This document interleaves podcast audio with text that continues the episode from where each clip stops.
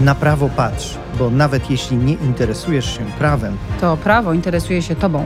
Bo prawo to nie tylko przepisy, to również ludzie i instytucje wpływające na twoje życie. a to jest podcast o praworządności.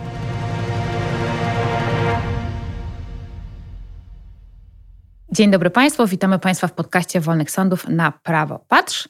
Dzisiaj naszą gościnią jest Barbara Kurdej-Szatan, znakomita aktorka, prezeska Fundacji Sporywu Serca, mama, żona, działaczka społeczna, jeśli mogę tak powiedzieć, bardzo zaangażowana w działalność społeczną i publiczną. A ja się nazywam Sylwia Gregorczyk-Abram, niezmiennie. I Michał Wawrykiewicz, czyli Wolny Sąd. Tak jest. Cześć, dzień dobry, witajcie. Tak, tak, działaczka społeczna. Ostatnio sobie uświadomiłam, że już w podstawówce tak naprawdę byłam działaczką społeczną, bo pomagałam w kampanii wyborczej mojej koleżanki, która startowała na przewodniczącą szkoły.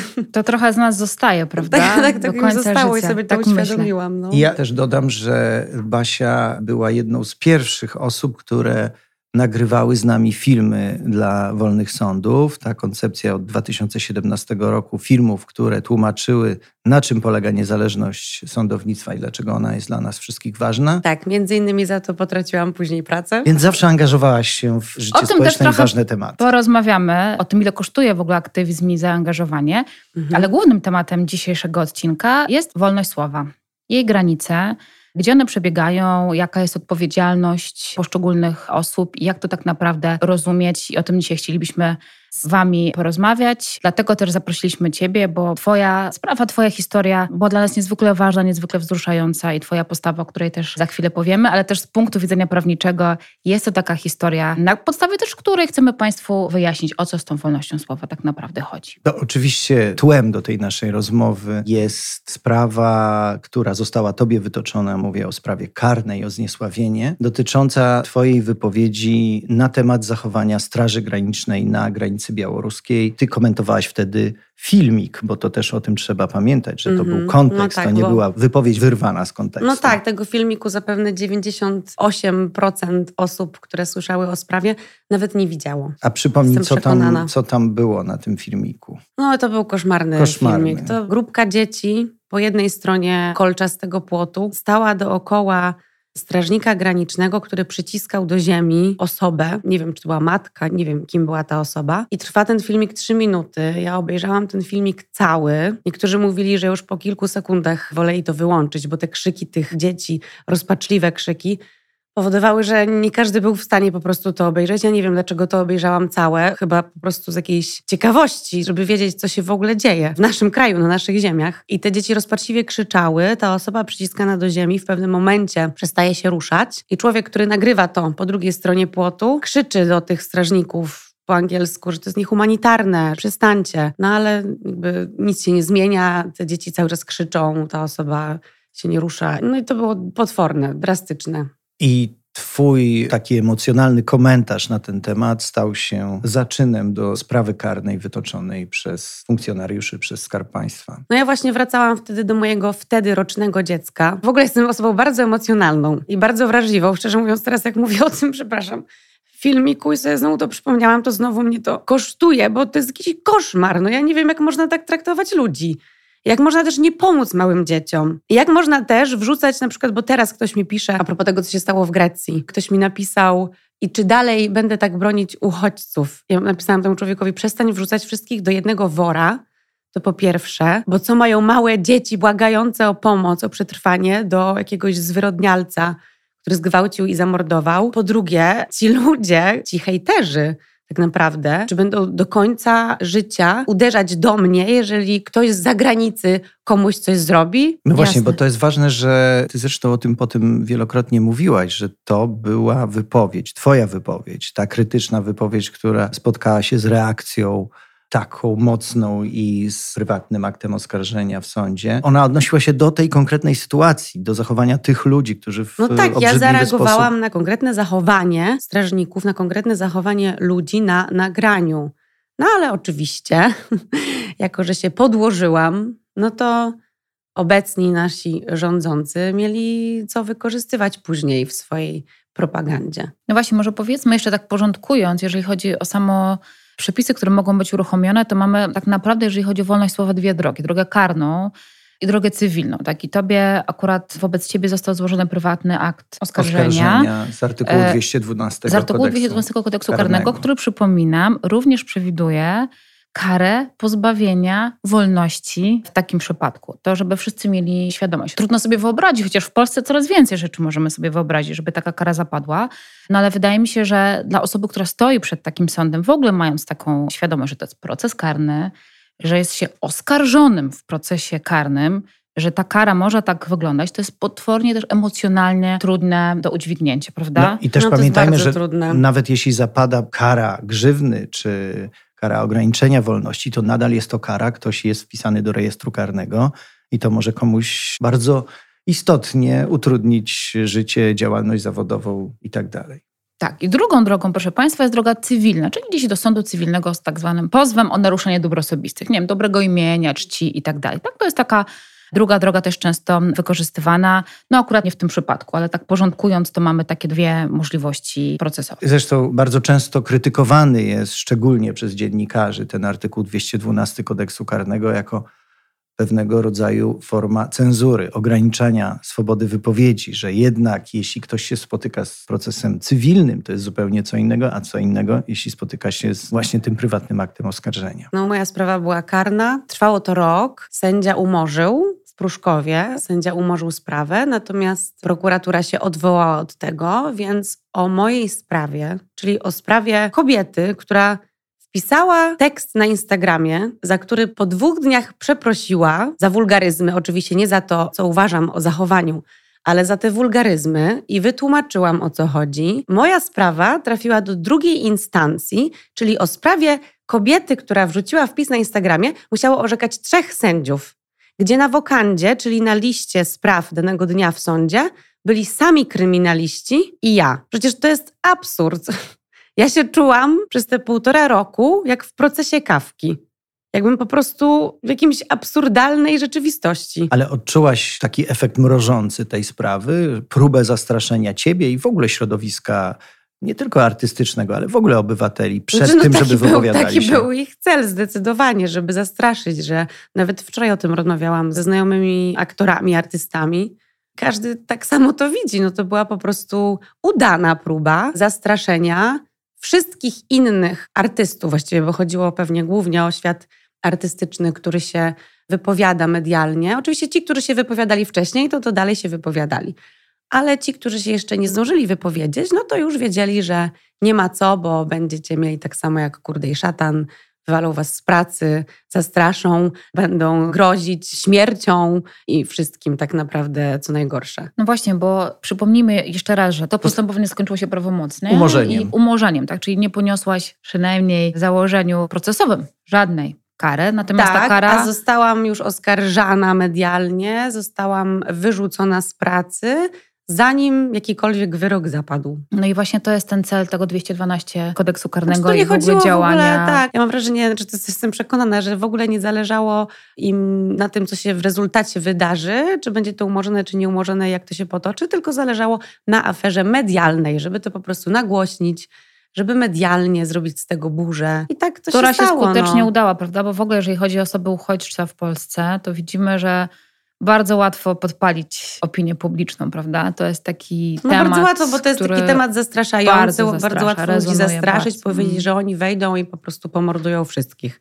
Ale no, w każdej narodowości tak naprawdę są ludzie i tacy, i tacy. No nie można wszystkich do jednego wora wrzucać. Poza tym, jak można, ja nie rozumiem naprawdę, jak można nie pomóc ludziom błagającym o pomoc i narazić ich na śmierć tak naprawdę. Ja tego po prostu cały czas nie mogę pojąć. I cały czas nie mogę pojąć. Dopiero teraz tak jeszcze dosadniej do mnie to docierało, bo najpierw byłam w szoku, zastraszona tą całą nagonką, tym, że pojawiałam się we wszystkich wiadomościach TVP, w Teleekspresie, we wszystkich portalach prawicowych oczywiście, że było to tak bardzo rozdmuchane. Najpierw byłam w szoku, ale potem sobie uświadomiłam, dlaczego nikt nie skupia się na tym, że tam umierają ludzie. Dlaczego się skupili tylko na tym, że ja przeklnęłam, że ja po prostu kogoś, nie wiem, no, obraziłam, tak to nazwałam, w ogromnych emocjach. Po dwóch dniach za to przeprosiłam.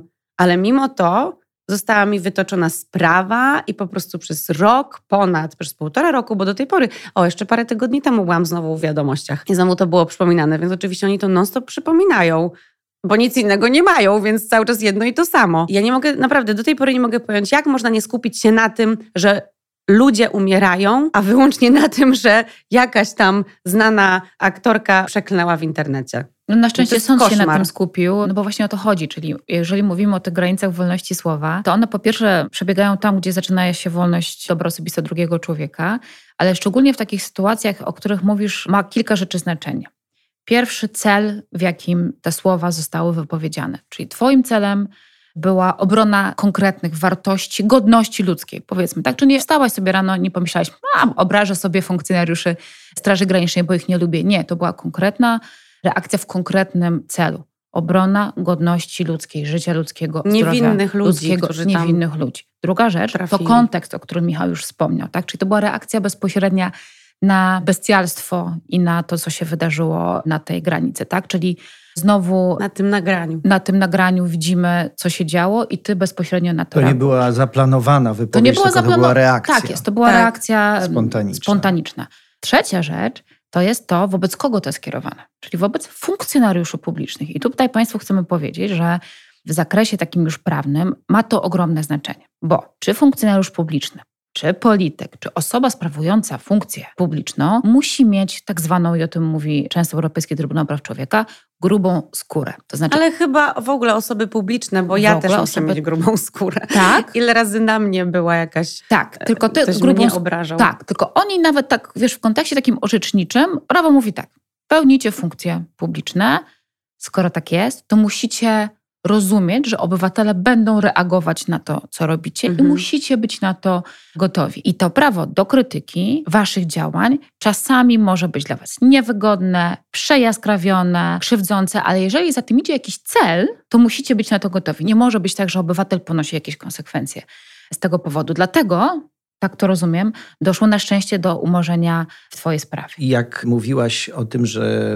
użyłaś słów wulgarnych w trakcie swojej wypowiedzi, to myślę, że nie to było najważniejsze z drugiej strony, dlaczego spotkały Cię te negatywne konsekwencje w postaci aktu oskarżenia Myślę, że po prostu chodziło o to, że sprzeciwiłaś się powszechnej narracji partii rządzącej dotyczącej ochrony granic przed uchodźcami, że Straż Graniczna absolutnie prawidłowo wykonuje swoje czynności, nie dochodzi tam do żadnych naruszeń prawa, a ty ośmieliłaś się zakwestionować to. No tak, tak, bo żeby łatwiej było rządzić, dobrze jest i zastraszyć, i skłócić ludzi. To się nieraz wcześniej już słyszałam, jak to się na przykład tyczyło dyrektorów teatrów, którzy stosowali takie taktyki manipulacji, żeby właśnie skłócić zespół, żeby przypadkiem nie weszli na głowę dyrektorowi i nie zaczęli rządzić albo go jakoś zdetronizować. I w tym przypadku tak to wygląda u nas w państwie, że cel był taki, żeby skłócić ludzi, skłócić Polaków i również z tamtej innej strony jeszcze uchodźczej zastraszyć, żeby po prostu lepiej było rządzić. No i to się udawało przez ileś lat. A temat wraca, dlatego teraz wraca, bo najprawdopodobniej już to widzimy, tematem kampanii wyborczej jesiennej będzie właśnie temat uchodźczy, bo coraz częściej partia rządząca na to zwraca uwagę i próbuje tutaj ugrać coś na tym, dlatego twoja sprawa zapewne będzie wracać. Moja sprawa tam wraca w nieskończoność po prostu. No właśnie, może porozmawiamy. A że najpierw to było przerażające, potem mnie to tak totalnie dobiło, że wycofałam się całkowicie, a teraz ja już nie wiem, czy to jest przerażające, czy to jest śmieszne, czy to jest smutne, czy to jest żenujące, Ale że oni to cały tak, czas wyciągają. Twoja sprawa tak naprawdę dotyka szerzej swobody wypowiedzi, wolności ekspresji. Jak wspomniałaś o teatrze, to też tak naprawdę moglibyśmy rozmawiać o swobodzie ekspresji artystycznej jak sobie przypomnę te filmy, w których ty występowałaś wolnych sądów na początku, to również wtedy mówiliśmy o swobodzie ekspresji artystycznej i o tym, że na przykład dyrektor teatru, który wystawi sztukę nie taką, która nie podoba się czy ministrowi edukacji, czy ministrowi kultury, to może spotkać się również z konsekwencjami. Czyli wszelka swoboda wypowiedzi jest zabijana wówczas, kiedy ona się nie zgadza z linią partii, czy też tak to No tak, odczuwasz? a teraz w ogóle nie wiem, czy wiecie, ale od jakiegoś już czasu są tak zwani kontrolerzy chyba z urzędu, czy nie wiem skąd ci ludzie przychodzą. Przychodzą na spektakle i jeżeli coś im się nie podoba, to jest normalnie wysyłane pismo do teatru ze skargą i z prośbą o usunięcie danego tekstu na przykład. Niesłychane. To ja nie miałam takiego pojęcia. Na szczęście też, jeżeli patrzymy tak z prawnego punktu widzenia, to w ogóle artystom też wolno więcej. Czyli tak jak politykowi wolno mniej, funkcjonariuszowi wolno mniej, on musi być odporny. Tak w ogóle artysta ma, artysta, dziennikarz, ma takie szczególne prawa, jeżeli chodzi o wolność słowa. Czyli jeżeli on w ramach tej swojej właśnie spektaklu chce wyrazić na przykład w sposób dobitny, wyraźny, trudny w odbiorze, ale nie wiem, dać swój głos w sprawie praw kobiet, tak? to jemu wolno więcej, prawda? Jemu wolno więcej, bo za tym idzie jakiś cel. I to są jego narzędzia, tak? On jest artystą, więc w taki sposób się wyraża i na szczęście ta ochrona z punktu widzenia prawnego właśnie artystów czy dziennikarzy, konwencyjna ochrona czy Europejskiej Konwencji Praw Człowieka, ona jest na szczęście dużo tutaj szersza. Ale to nie oznacza, że ona jest nieograniczona, na przykład Oczywiście. jeśli chodzi o dziennikarzy, bo niedawno zakończyła się sprawa Magdaleny Ogórek i pana redaktora Ziemkiewicza, w której oni zostali skazani na podstawie prywatnego aktu oskarżenia Elżbiety Podleśnej, bo w trakcie programu, który prowadzili,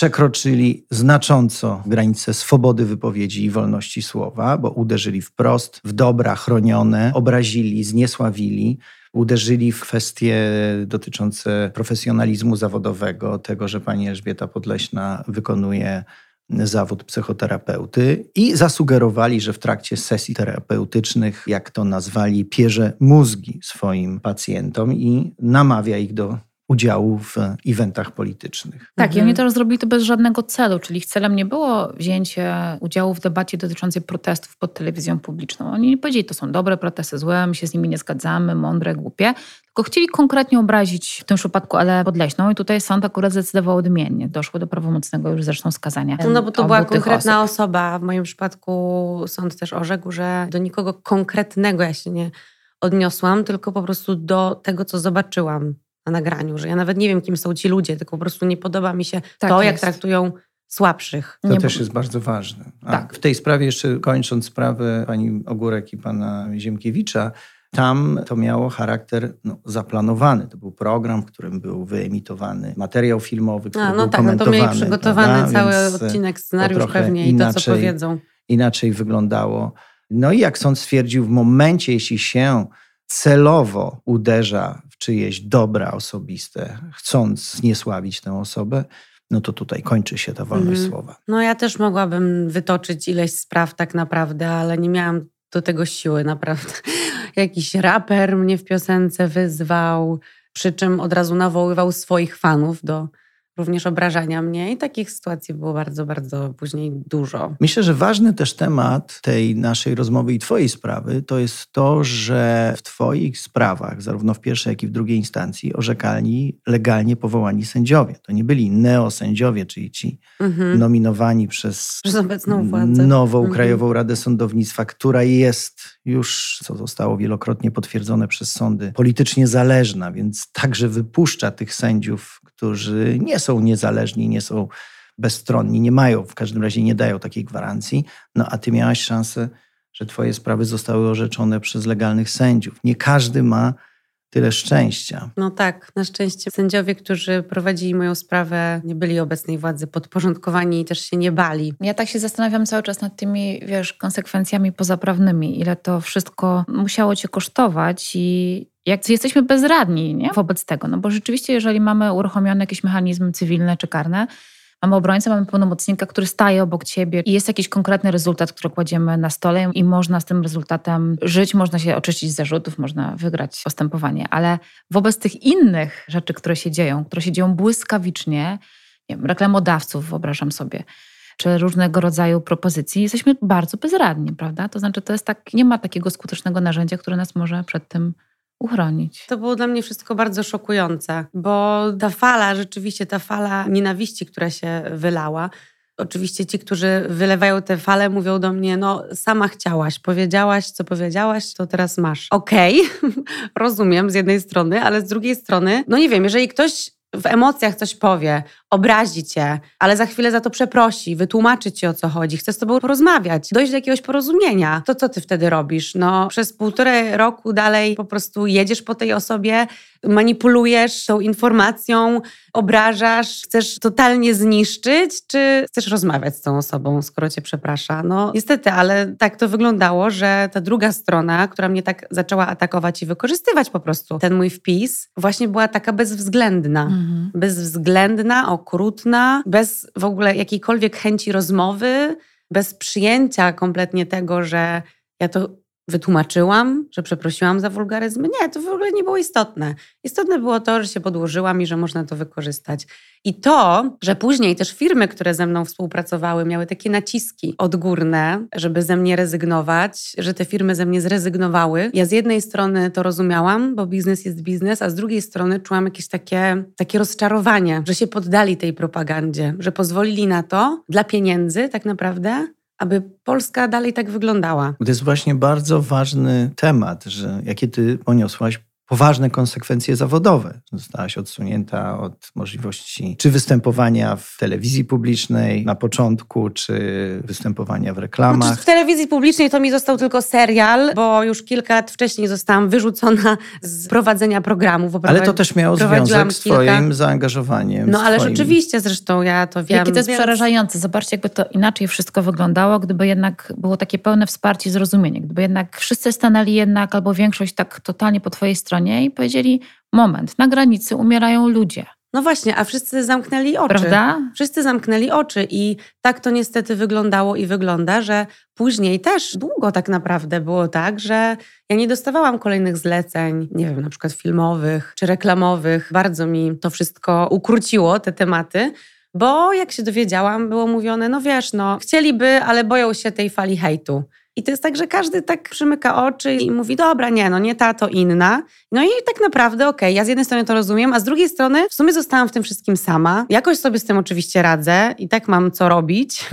ja jestem taka, że i tak się odnajdę w każdej sytuacji. Może nie od razu, ale po czasie. I dałam sobie jakoś z tym radę, ale jest to po prostu smutne, no, że Wiecie, ludzie przymykają oczy na takie zło i pozwalają na to, aby nasz kraj tak wyglądał. Jest to dla mnie po prostu rozczarowujące. Jeszcze jedną rzecz muszę... I wszystko, i tylko powiem, i wszystko sobie dalej trwa, wiecie, wszystko dalej kręcą, leci w telewizji, to, tamto, siamto, wszystko dalej idzie, nie? A tam ludzie umierają. Dwie refleksje mam na ten temat. Pierwsza to taka, że naprawdę osoby tylko z prawdziwym talentem angażują się społecznie i zabierają głos, bo wiedzą, tak jak ty, że twój talent, tak jak powiedziałaś, ja sobie poradzę, twój talent się obroni i to widzimy po wolnych sądach, że naprawdę osoby artystyczne przez duże A, naprawdę, które są obdarzone wieloma talentami, one się nie boją, bo wiedzą, że warto, że mają ten głos i nie muszą się, tak jak przepraszam, jakieś no, różnego rodzaju instagramerki, które się boją. Znaczy, jeżeli my chcemy się zwrócić do osoby, która ma ileś tam, nie wiem, followersów, milionów i robi jakąś tam określoną rzecz na Instagramie, to ona się nie zaangażuje, bo będzie się właśnie bała, że ci reklamodawcy odejdą, że te działania będą postrzegane jako politycznie. Nie boją się tak naprawdę właśnie osoby, które faktycznie cenią swoją wartość. Tak, cenią swoją wartość A. i naprawdę coś znaczą. I druga refleksja właśnie moja idzie za tym, że to społeczeństwo właśnie wymusza na tych prezesach, na tych reklamodawcach takie działanie, dlatego że ja wielokrotnie obserwowałam na Instagramie właśnie osób znanych, popularnych, że jeżeli one się tylko coś zaczną angażować w jakieś takie tematy społeczne, to na przykład piszą, no zaangażowała się pani w politykę. No ja nie po to tutaj no, jestem, żeby pani się angażowała w politykę. To jest oko... Teraz się sprawdza pracowników, już na, jak się dowiedziałam ostatnio od znajomej, że sprawdzali ją na rok wcześniej, czy przypadkiem nie była na jakichś protestach albo nie wrzucała czegoś, bo inaczej nie wystąpiłaby, załóżmy, w danej produkcji, no głównie telewizji polskiej. Ale tak to teraz wygląda, a mnie to wciąż dotyka, bo zostałam już usunięta z dwóch koncertów, które okazało się, że współfinansuje załóżmy Ministerstwo Kultury, czy pieniądze idą z kancelarii premiera i żądali list wykonawców i zostawałam usuwana.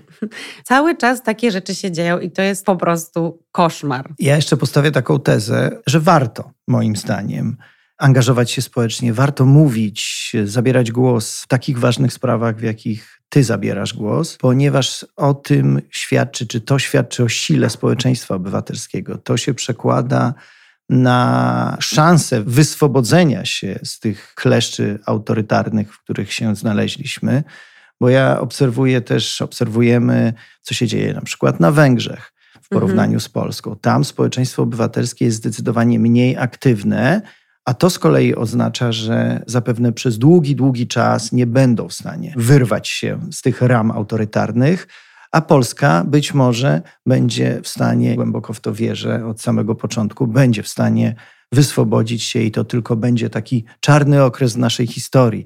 Ale to jest właśnie dzięki zaangażowaniu nie tylko artystów, w ogóle obywateli i odwadze i niepatrzeniu na konsekwencje. To jest naprawdę Tylko tę odwagę ważne. powinni mieć nie tylko artyści, ale też wszyscy ci, którym nie odpowiada ta rzeczywistość obecna.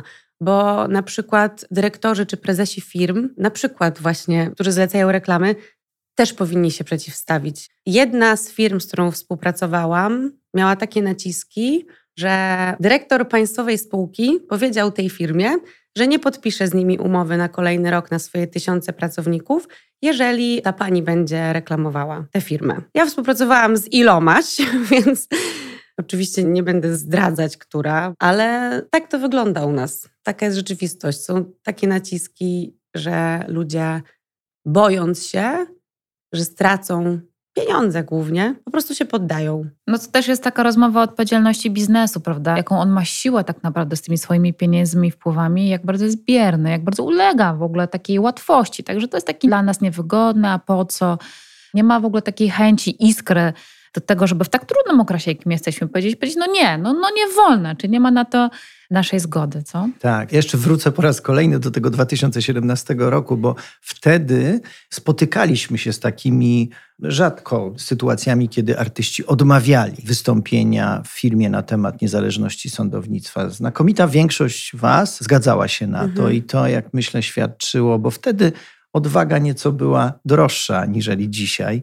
To było jeszcze bardzo świeżo, wchodziliśmy w ten czas i nie wiadomo było, jak to długo będzie trwało, i być może konsekwencje będą poważne, a ludzie tacy jak ty nie wahali się. Natomiast spotykaliśmy się z takimi, którzy powiedzieli: Nie, mam kontrakt w TVP, wolę tego nie stracić, wolę żyć No ale teraz swojej... też tak jest, że wiesz, dziewczyna, która prowadzi coś w TVP, mówi mi na boku: No tak, tak, tak, wszyscy czekamy, aż się władza zmieni. Tak, tak, wspieram cię. My znamy to, tak. Super robotę, super robotę robicie, powiedział ktoś, kto w życiu nie wyszedł na, na protest. Ani, tak, tak, poklepał cię lub wsparł cię tak, lajk, a wszystkie, lajkiem na Wszystkie firmy też mi mówiły: Tak, tak, Basia, my uważamy to, co ty, no ale sorry, no nie możemy współpracować. No ale nam się musi zgadzać tutaj w Excelu określone rubryki. No. Tak to wygląda. Ponieważ prowadzimy podcast na prawo patrz i on jest jednak o prawie, to jeszcze chcieliśmy o jednej rzeczy powiedzieć, że w kontekście takich procesów bardzo ważna kwestia, o której też powiedział Europejski Trybunał Praw Człowieka, jest taka, że ta wypowiedź może być oceniana jako ocenna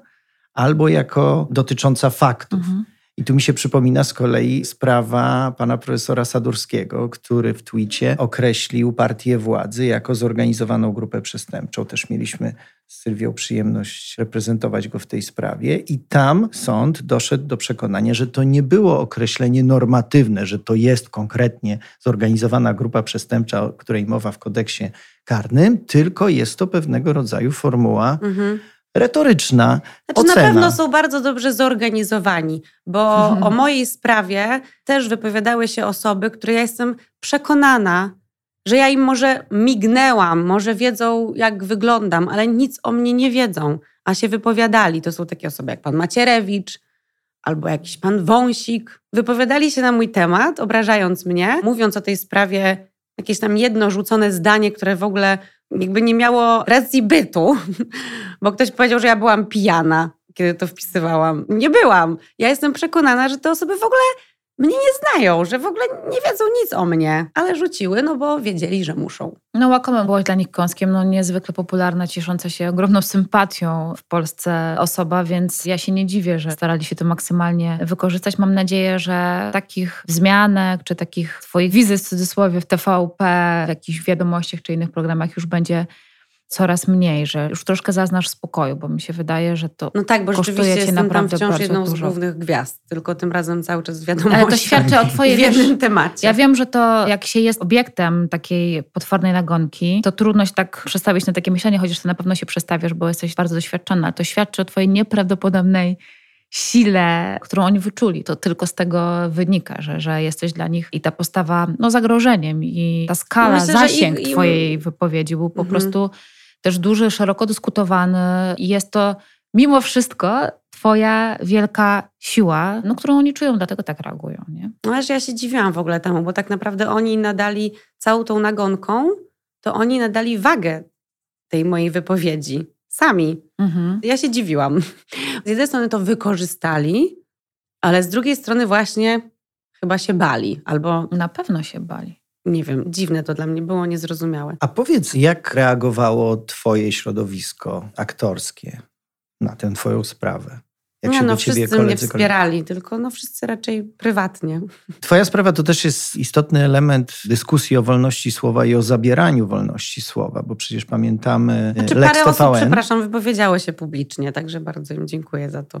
Też znanych, ale Przypo większość jednak Chciałbym przypomnieć cichu. Lex TVN, czyli mhm. próbę zabrania niezależnej telewizji, takiej najważniejszej, największej mhm. telewizji i rozmowę o tym, czyli no, doprowadzenie do sytuacji, która byłaby z punktu widzenia rządzących idealna, modelowa, kiedy mamy jeden przekaz, jedną narrację w jednej telewizji, w jednych mediach skupionych czy podległych partii rządzącej.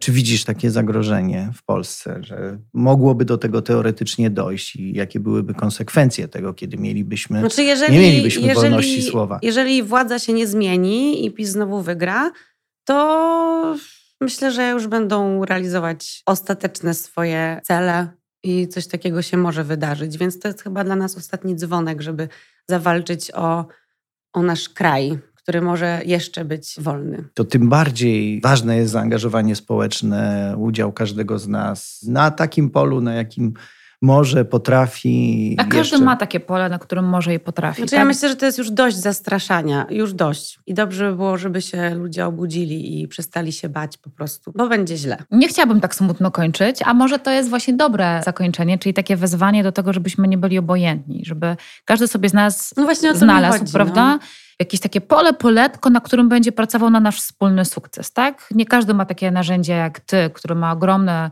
zasięgi w social mediach, w ogóle z osobą powszechnie znaną i jej głos waży bardzo dużo, ale to nie znaczy, że jak my nie jesteśmy osobami publicznymi, to nasz głos nic nie znaczy. Jest mhm. dokładnie odwrotnie. Każdy głos coś znaczy i można się zaangażować w swojej własnej społeczności lokalnej. Można zaangażować się wspierając chociażby takie osoby jak ty, żeby one się nie czuły samotne, bo to jest najgorsze, że jak na końcu tej drogi jesteśmy. Ja dostałam ogrom wiadomości wtedy i do tej pory jeszcze czasem dostaję, także ja bardzo dziękuję wszystkim, którzy mnie wspierali i którzy do mnie pisali. Szalenie Ale mówisz, ważne. że głos jest ważny i tak. właśnie głos jest ważny, niedługo są wybory. I trzeba iść, po prostu iść, pójść na te wybory. No i przy okazji, no ja nie ufam naszej władzy, więc dobrze byłoby chyba ich też posprawdzać. I teraz z tego, co wiem, to jest możliwość kontrolowania wyborów. Tak jest. I można się zgłaszać do takiej to. kontroli. Tak. Takiej kontroli liczenia głosów. Czyli bycia mężem lub żoną zaufania, czyli jesteśmy sobie w takim lokalu wyborczym, to nas kosztuje troszkę czasu, ale nie jakoś przesadnie dużo. Patrzymy na to, czy ten proces wyborczy faktycznie przebiega tak, jak powinien przebiegać. Bardzo do tego Państwa będziemy I to jest kolejna jeszcze. płaszczyzna zaangażowania tak społecznego, jest. gdzie możemy znaleźć ujście swojej aktywności społecznej i do tego bardzo serdecznie Państwa namawiamy. Bardzo byśmy chcieli, żeby to, co czuć dzisiaj w powietrzu, niedawno, 4 czerwca na ulicach Warszawy, potem w Poznaniu, w innych miejscach w Polsce, widać, że coś się zmienia, że ta odwaga społeczna, ta odwaga takich indywidualności jak ty, procentuje. Mi się wydaje, że jednak społeczeństwo powiedziało, potrafiło powiedzieć nie i to w końcu może da efekt. Miejmy nadzieję. I to jest ładne zakończenie. Bardzo Państwu dziękujemy. To był podcast Na Prawo Patrz. Naszą gościnią była Barbara Kurdej-Szatan, której dziękujemy za dziś i w ogóle za Twoją postawę, Basiu. Dziękuję. Rozmowę prowadziła dla Państwa Sylwia Gregorczyk-Abram i Michał Wawrykiewicz. Do usłyszenia.